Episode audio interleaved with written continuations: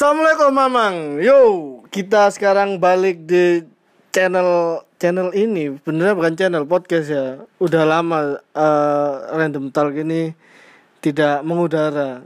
Sekarang ada kesempatan berkumpul satu dengan yang lain, berkumpul dalam kasihnya. Maka kita eh, akan membicarakan kita akan membicarakan eh, keresahan kita masing-masing ya di masa pandemi seperti ini. kita akan membicarakan keresahan masa pandemi bersama siapa namanya? Mas Bocil Mas Bocil. Satunya? Mama ngentut Oke, Mamangen. Dengan saya sendiri Hendrik Charger akan Hendrik Charger. Oh iya iya Enggak, enggak, bukan saya sendiri hostnya. Eh, kita akan memulai sebuah pertanyaan atau eh, bincang-bincang yang ringan-ringan dulu ya sama Mas Bocil. Mas Bocil, gimana kabarnya di masa pandemi ini? Sekolahnya gimana? Eh, Sekolahnya ya sudah jelas lah kita semua eh, CFH atau class from home Class from home. Iya. Oke. Terus buat Mas Mamang nih, gimana di masa pandemi ini? Apa kegiatannya, Mas? Ah, banyak sih kegiatannya. Contohnya ya tidur. Sudah itu aja sih. Enggak serius Pak ini. Apa aja selain tidur maksudnya apa? Bantu-bantu di rumah atau apa? Oh, iya ya. Ya, selain tidur juga bantu-bantu ya. Selain tidur, bantu-bantu terus rebahan. Terus apa lagi ya? Ya, bantu-bantu orang tua. Itu aja sih. Muter situ aja siklusnya. Jadi ya, bangun, tidur, bantu orang tua, makan, tidur lagi, bangun orang tua lagi. Bangun orang tua. maksudnya gimana? Bangun bantu orang tua. Oh, Aku saya- singkat aja itu. Kamu kok kayak orang Batak ya ngomongnya ya? Memang orang Batak ya? Bukan. Enggak, margamu kan orang Batak kan? Iya benar, benar. Oke, kita langsung ke bincang-bincangnya aja. Mas Mas Bocil ya. Eh, selama masa pandemi ini kan eh, ada ya satu post di Instagram tuh yang disampaikan oleh satu eh, halaman di Instagram. Dia kayak mengutip eh, pembicaraannya Ibu Kofifa bahwa di Surabaya ini anu katanya masyarakatnya apa? kurang patuh. Makanya eh, apa sih mau dibuat PSBB lagi tapi kan ternyata nggak jadi ya. Ah, dari pendapat Mas Bocil ini gimana? Eh, ya karena kemarin sudah saya post mungkin ya sudah ada yang lihat di Instagram saya kalau kebanyakan dari kita khususnya yang di Surabaya Raya itu sering menyerukan slogan Surabaya los los tok los karewel ya dan sebagainya itu. Ya itu sebetulnya salah satu yang membuat paradigma kita itu sudahlah anggap aja ini seperti penyakit flu batuk dan lain-lain dan pilek seperti itu. Jadi ya kita menggampangkan lalu suka kongko-kongko Oh, kumpul-kumpul. Iya, eh, kita suka kumpul-kumpul dan kita lupa kalau ada eh, pro Protokol kesehatan. protokol kesehatan. Hampir salah ngomong. Kondom. Gap- Terus, ya, iki gak ada editor lho. Ya terus terus terus. ya ini seperti salah satu di los saya ngomongnya ya ini barusan ya. Mau- Ya, memang congor asu ini. Iya, jadi kurang mematuhi. Nah, itulah yang mungkin membuat kita di Jawa Timur ini dipandang sama eh, Surabaya khususnya. Iya, eh, di Jawa Timur khususnya Surabaya dipandang oleh nasional kita di, dikelompokkan tegar tengkuk dikelompok dikelompokkan eh, warna mm, merah ke merah ke hitam Udah nggak hitaman. merah lagi, hitam ya. Iya, iya, seperti itu. Merah hitam kayak AC Milan. Terus Lalu anak-anak muda juga saya lihat masih suka kumpul-kumpul gitu. Nah, untungnya kita di ruangan ini kita menerapkan physical, distancing ya. Kita berjarak agak jauh ini sekitar Satu setengah meter. eh, satu setengah kilo. Ya itu aja harus saya. Mas. Kalau dari Mas Mamang deh, tanggapannya gimana eh, yang buat warga Surabaya ini? Ya seperti apa yang dikatakan kakak Mas Bocil ini katanya bebal ya, bebal sulit diatur. Bebal ya walaupun nggak semuanya sih, ada beberapa golongan itu aja. Jadi contohnya yang katanya los, kak rewel, katanya kayak anggap aja lah kayak flu, flu biasa, batuk biasa, tapi mematikan. Nah itu bagi saya apa ya? Ya mohon lah sedikit-sedikitnya mematuhi arahan pemerintah. Ya kan nggak ada ruginya juga kita mematuhi. Kan katanya sampai kapan kita kayak gini? Ya sampai kapan anda tidak mematuhi? Nah, itu. Itu yang buat saya sedikit resah itu. Itu aja sih. Eh ya saya sih eh dari pendapat kalian berdua sih saya cuma menyimpulkan bahwa kalian mendukung eh apa ya maksudnya bukan blok maksudnya mendukung pemerintah untuk anjurannya untuk tetap menjaga eh, apa protokol kesehatan cuci tangan terus eh, apa physical distancing. Ya kalau mandi pasti nyabun. Lalu gimana Mandi sih pakai hand sanitizer, Mas. hand sanitizer. Iya itu. jadi eh kalian semua kan pasti tahu kan di luar sana itu ada yang disebut namanya seperti konspirasi teori ya. Teori teori konspirasi. Nah, eh tanggapannya Mas Mas Bocil pernah denger gak yang katanya eh katanya Mas sharing Superman is Dead tuh itu kan COVID itu sebenarnya tidak berbahaya, tidak ada bahkan bahkan dibuat-buat. Nah, tanggapannya gimana? Kalau saya sejak ada pandemi ini pertama, itu saya itu berpikir kan ada ada pengi- pe- info ada, ada info dari WHO kalau misalnya orang yang terkena ini sebetulnya kan tidak ada obatnya. Ya, ini kan untuk saat ini belum ada obatnya. Satu-satunya cara itu imun kita harus kuat. Ya toh?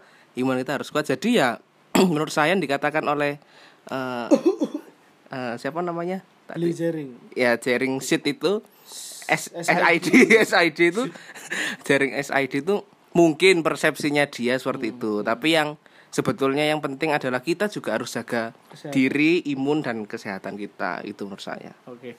Terakhir, gimana tanggapannya Mas Mamang? jangan terakhir mas Bukan, maksudnya untuk membahas Sesi ini. sementara Oh, COVID oh, ini. iya, saya kira hidup terakhir saya Memang secepatnya kalau tadi apa pertanyaannya ini yang dilatih ototnya terus, otaknya nggak pernah diasah.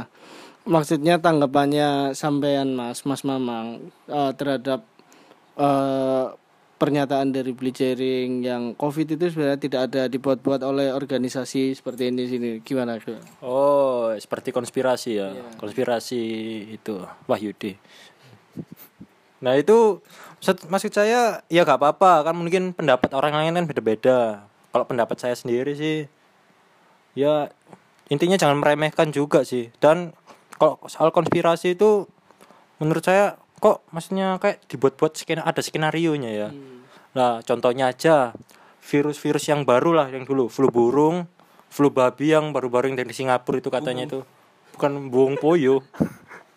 nah, itu kan apa ya? Itu virus baru juga kan.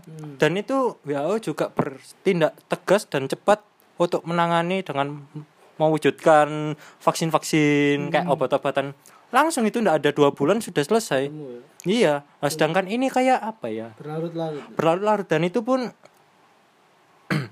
kok ya enggak kayak virus-virus yang lain. Cepat ditemukan vaksinnya. Ini kok kayak lebih santai gitu ya modelnya.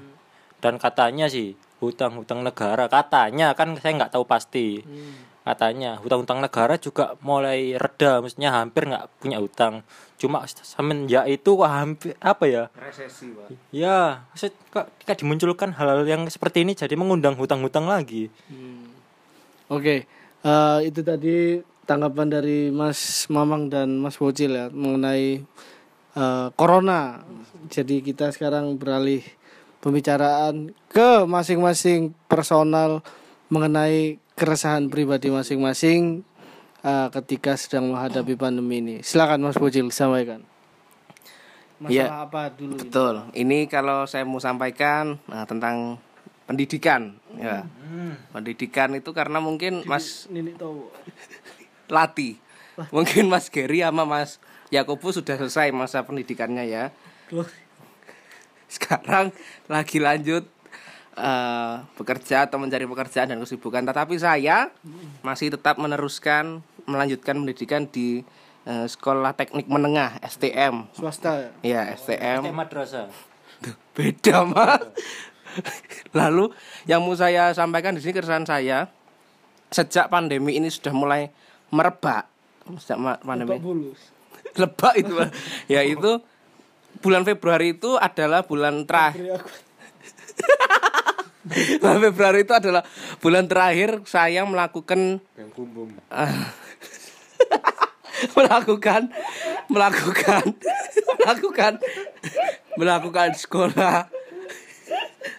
Melakukan cara maaf maaf ini udah mulai lagi. Mulai ada gangguan gangguan ayo keluar keluar keluar. Mulai. Bentar mas bentar.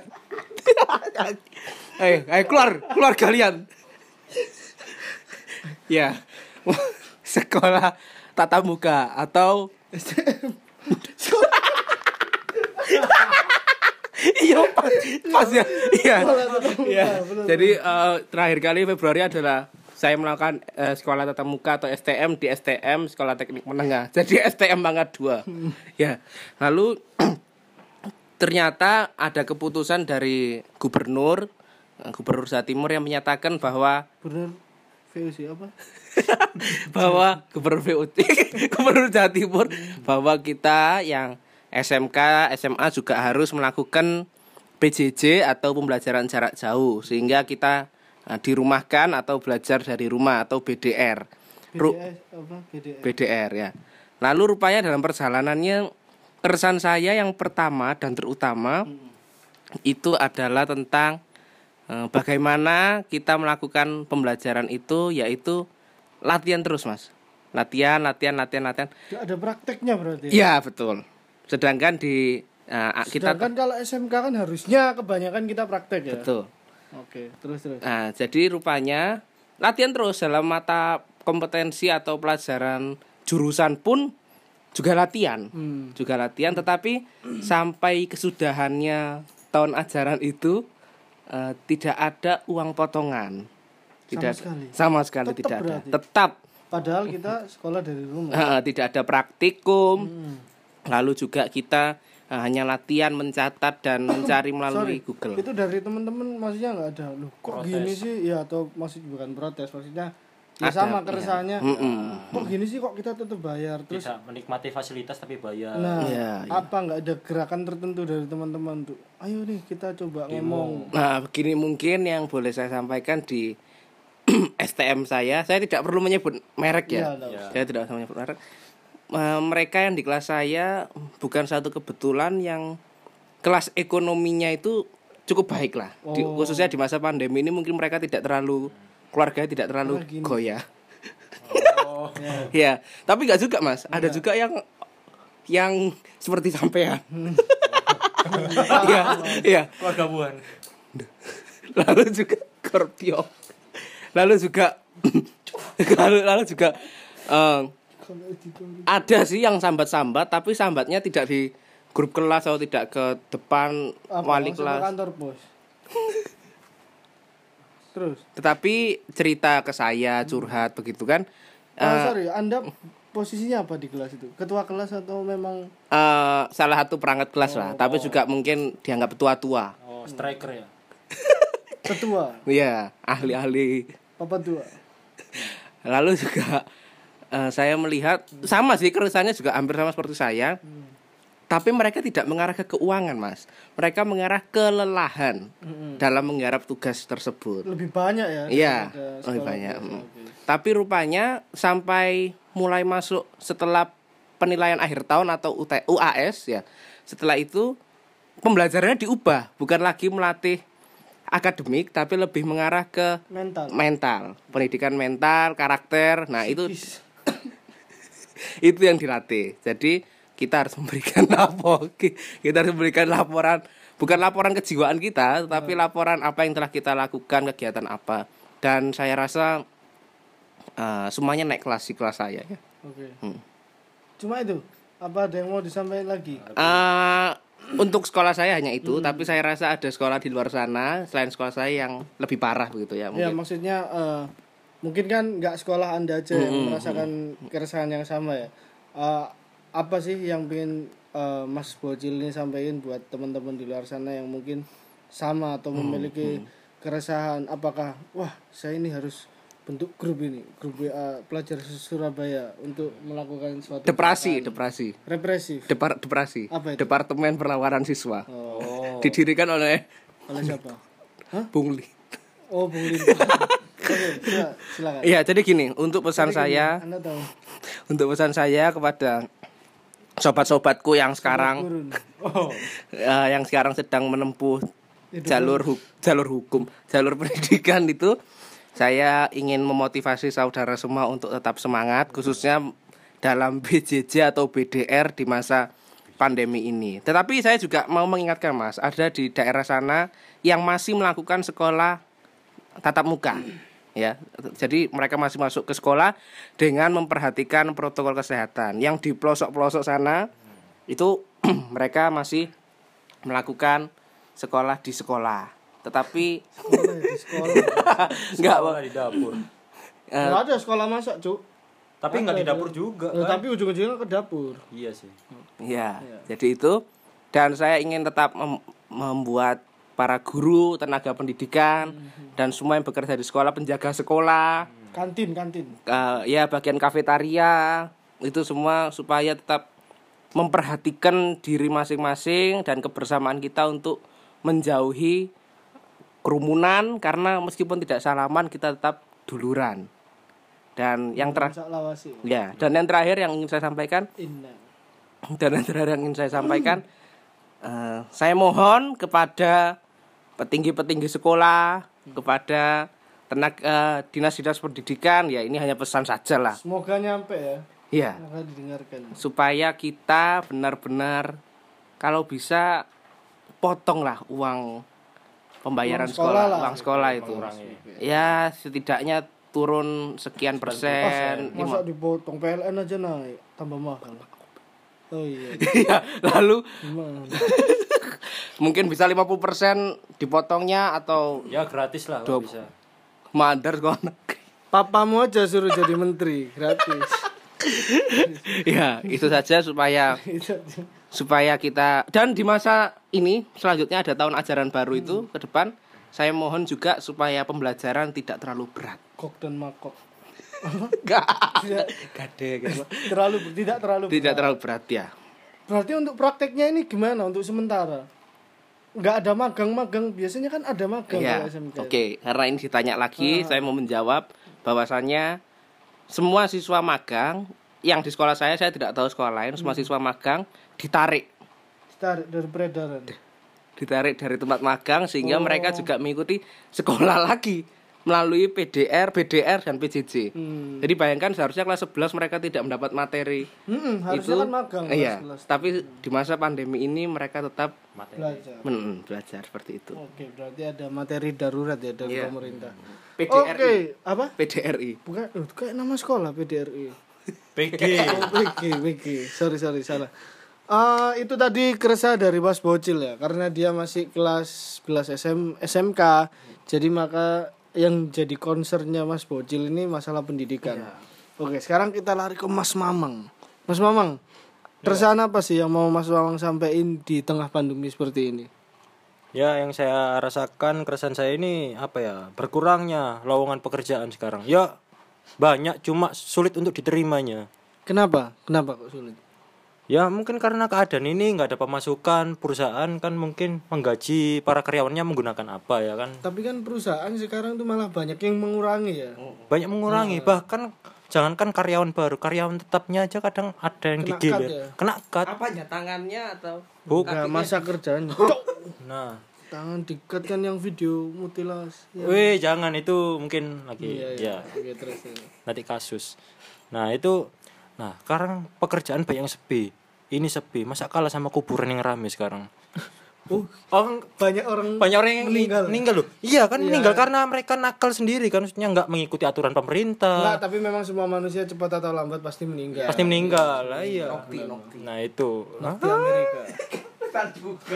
Nah itu jadi masa kita kalah rame sama itu kan. Nah setelah itu nggak ada pemasukan, nggak ada pemasukan. Kita kan juga yang mungkin yang keluarga yang kurang mampu bisa dibilang kurang mampu kan. Ma- Miskin. ya ya jangan teriaknya ke saya juga. ya itu ya makannya pakai apa terus ya untung lah Sandok, Bro. pakai- bukan maksudnya kan beli belinya Oh, beli-beli ah dot com. kebutuhannya Jangan sebut- ah jangan sebut Eh, merek Sorry, sorry, sorry, sorry. Oke, gitu. nah itu ya untungnya yang banyak apa dikasih apa bantuan ya bersyukurlah Dapat BLT ya? BLT. apa itu BLT Bantuan langsung tunai, Heeh. blok. Dapat dari pemerintah. Oh. Dari gereja. bukan aku ndak ndak terlalu sampai ke situnya sih mungkin enggak dapat. nggak tahu kalau orang tua yang ngurusin Oh, nah iya, saya kan juga masih ikut orang tua nah itu Dia juga nggak peduli sama orang tua. peduli cuma kan karena lagi keadaan gini kan jadi jadi kak bukan nggak peduli maksudnya. Sepanang ya, sepanang. iya terus terus terutama kalau kita kan biasanya kerja setiap hari gajian itu selalu ngasih orang tua atau apa. Sekarang enggak sekarang kita sekarang saya atau teman-teman yang mengalami nasib seperti saya mungkin sekarang minta orang tuanya dalam hati ya apa ya sungkan atau apalah Berarti Anda ini salah satu pegawai yang sebenarnya nggak dikat, cuman diistirahatkan kan? Makan. Di rumah kan, di rumah kan. Nah, disistirahatkan. Cuma istirahat. Istirahatkan. Ya, istirahatkan. Nah, istirahat. Nah, itu istirahatkan. Cuma istirahatnya kok kayak istirahat selamanya ini masalahnya. Nah, Rest itu peace. bukan meninggal. Hmm. Nah, itu saya juga ya cari ya mending daripada menunggu hal yang nggak pasti kan. Iya, Cari- kayak cari nungguin dia kan nggak pasti. Wah, siapa itu ya? Iya, iya, iya, anak asrama. Eh, bukan. Ngawur. Jangkrik. itu Iya. terus yang nyari-nyari laman pekerjaan terus kok bisa ya keluar dari pega apa pekerjaan lama lah kan Hmm. karena sudah kelihatan nggak pastinya ya kecuali itu kalau kita diliburkan kok digaji lah ini nggak digaji. nah itu kan Diliburkan minta gaji. Nah, itu mung- pikir macam apa ya? mungkin itu orang yang seenaknya. Ya tapi Ya, kita Anda bangsat. tapi sadar diri lah. Iya. kalau karena menuntut keadaan ya kita nggak bisa. Jadi kita juga harus berusaha juga semampu kita. Apa pun kita lakukan ya gak apa-apa untuk teman-teman yang di luar sana yang mengalami seperti saya. Apa pun kerjaannya mungkin apa terimalah dulu. Nggak usah pilih-pilih pekerjaan. Yang penting halal atau baiklah kata orang tetangga Berarti eh, concernnya Mas Mamang sekarang ini ah, salah lapangan pekerjaan. Tapi saya rasa memang sebelum ada Covid juga susah cari kerja. Iya, betul. Iya kan, bener kan? oh ya bukannya sombong atau apa ya cuma ya ngasih kenyataan aja kasih tahu ya untungnya saya nggak sesulit sekarang dulu sekali Melamar. mel- melamar langsung terima sekali melamar terima jadi beda sama sekarang jujur aja bukan saya ngomong gitu terus sombong dulu gini gini enggak ya kenyataan aja seperti itu beda dengan sekarang Oke, solusi dari Mas Mamang apa untuk masalah yang seperti ini? Eh, kalau solusi sih saya, saya belum bisa memberi karena saya sendiri seperti ini Mungkin motivasi lah. Seperti orang buta menuntun orang buta. nah ya itulah buta, contohnya Ya buta. stop jangan rohani Terus, Cok. ya Ya, kalau mot- Ya. motivasi mungkin kan Hmm. Motivasi hampir sama sih kayak tadi nggak ada motivasi. Motivasi untuk apa tapi? Untuk kesehatan ini untuk pekerjaan atau apa? Ya untuk hidup sehari-hari. Misalnya Anda kan belum ada penghasilan lebih mengencangkan ikat pinggang atau apa? Bunuh diri. Bunuh Ya, diri. eh, jangan, Jangan. Jangan. Pak. Itu Jangan bunuh diri, itu- solusi yang bagus. itu mungkin ya sedikit baik Bisa kalau nggak dosa. Oh jangan. Itu pasti dosa. Semua agama mungkin yang saya tahu itu melarang. Nah itu nggak bisa ya motivasi dari saya.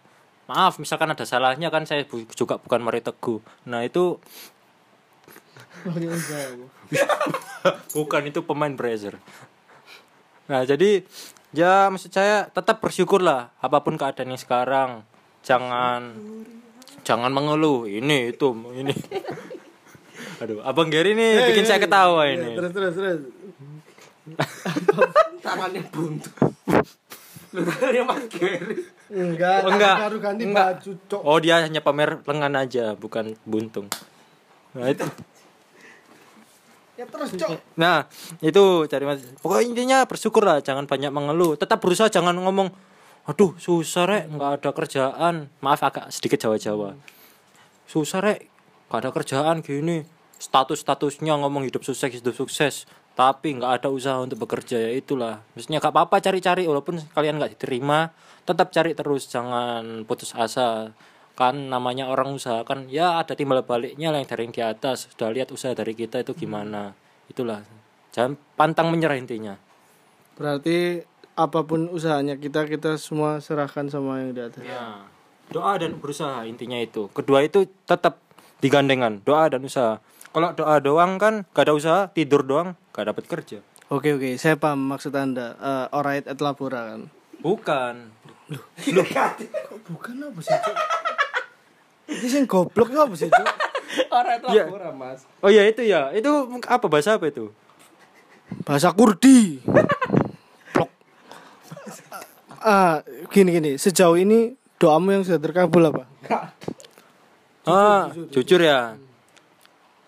Tetap diberi kesehatan. Kalau Mas Bocil doa yang udah terkabul apa? Selain diberi kesehatan. Hmm.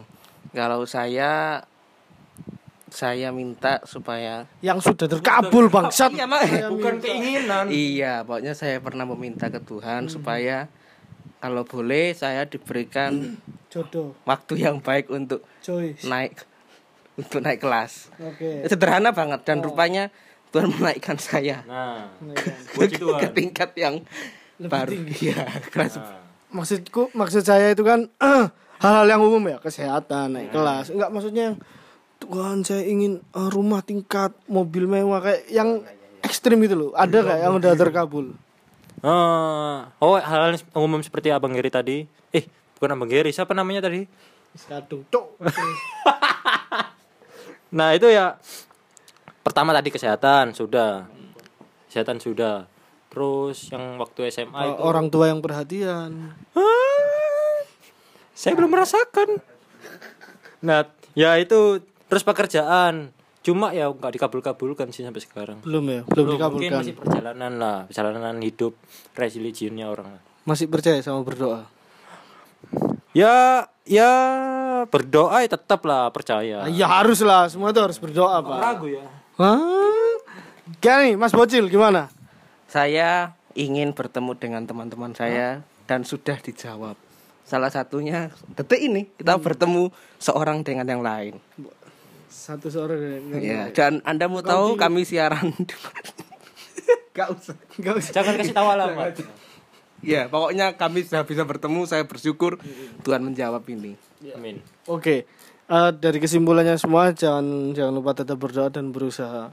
Karena burung di udara pun dia pelihara. Wih. Ya bener kan? Ada ada di salah satu kutipan lah Oh itu. iya ada ada ada. Nah, kan saya nggak tahu. Anda pasti bilang kutipan hati. Dia udah gak ada sekarang. Lu enggak di mana? Tinggal di mana sekarang? Apakah ada gugur? Ngawur kan. Oke, eh, itu tadi keres- sampean, Mas. Iya, sebentar, sebentar. Itu tadi kan keresahan dari eh, Dua orang. Mas Bocil dan Mas Mamang ya.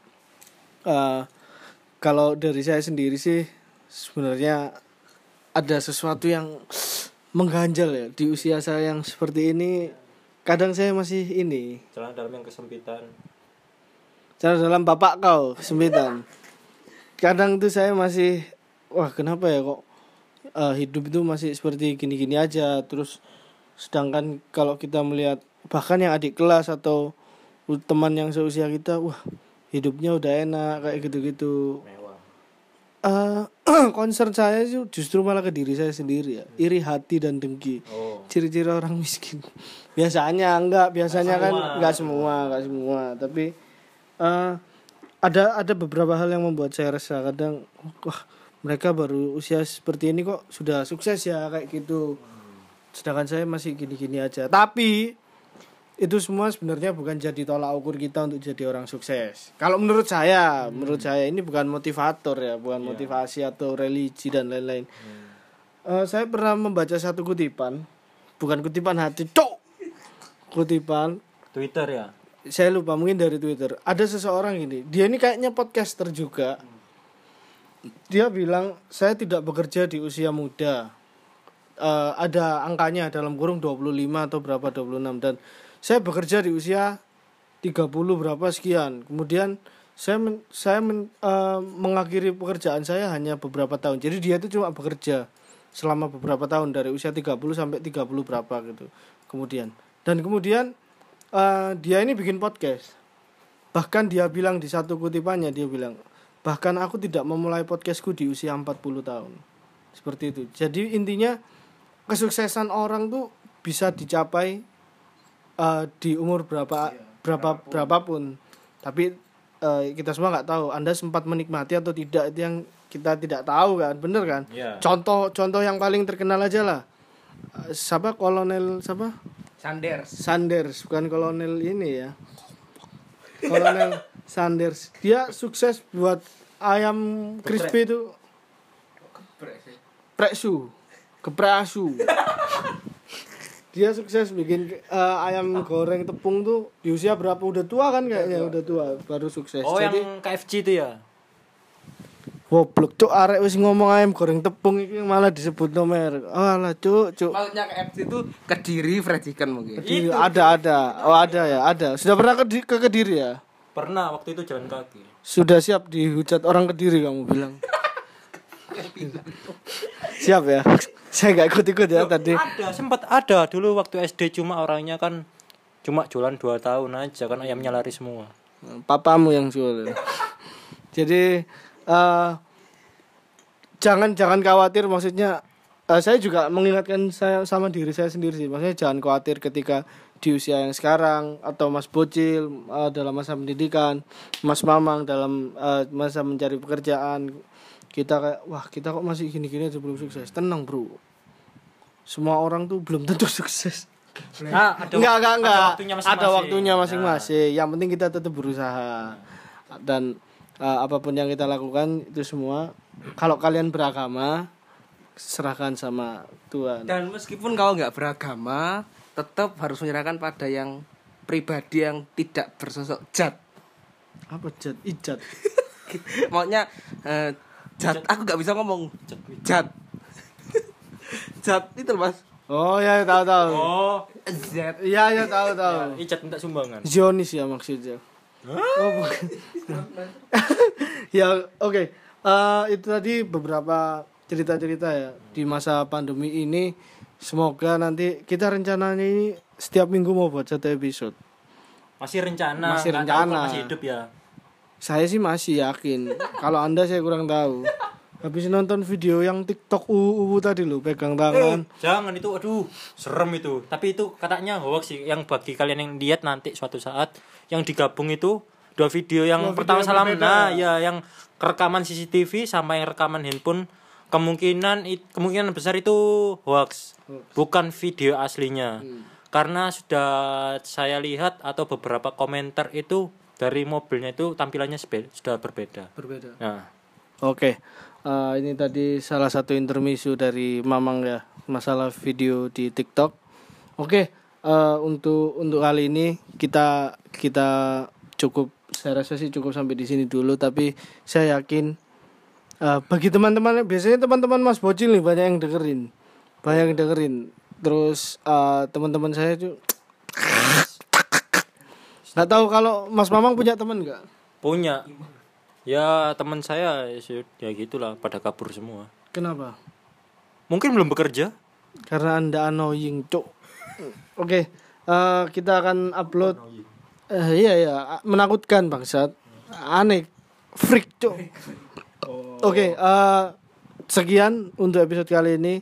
Kita akan balik lagi minggu depan. Salam satu. Satu hati Salam satu dua tiga. salam kebajikan You wake up shaking from money you're making, just wondering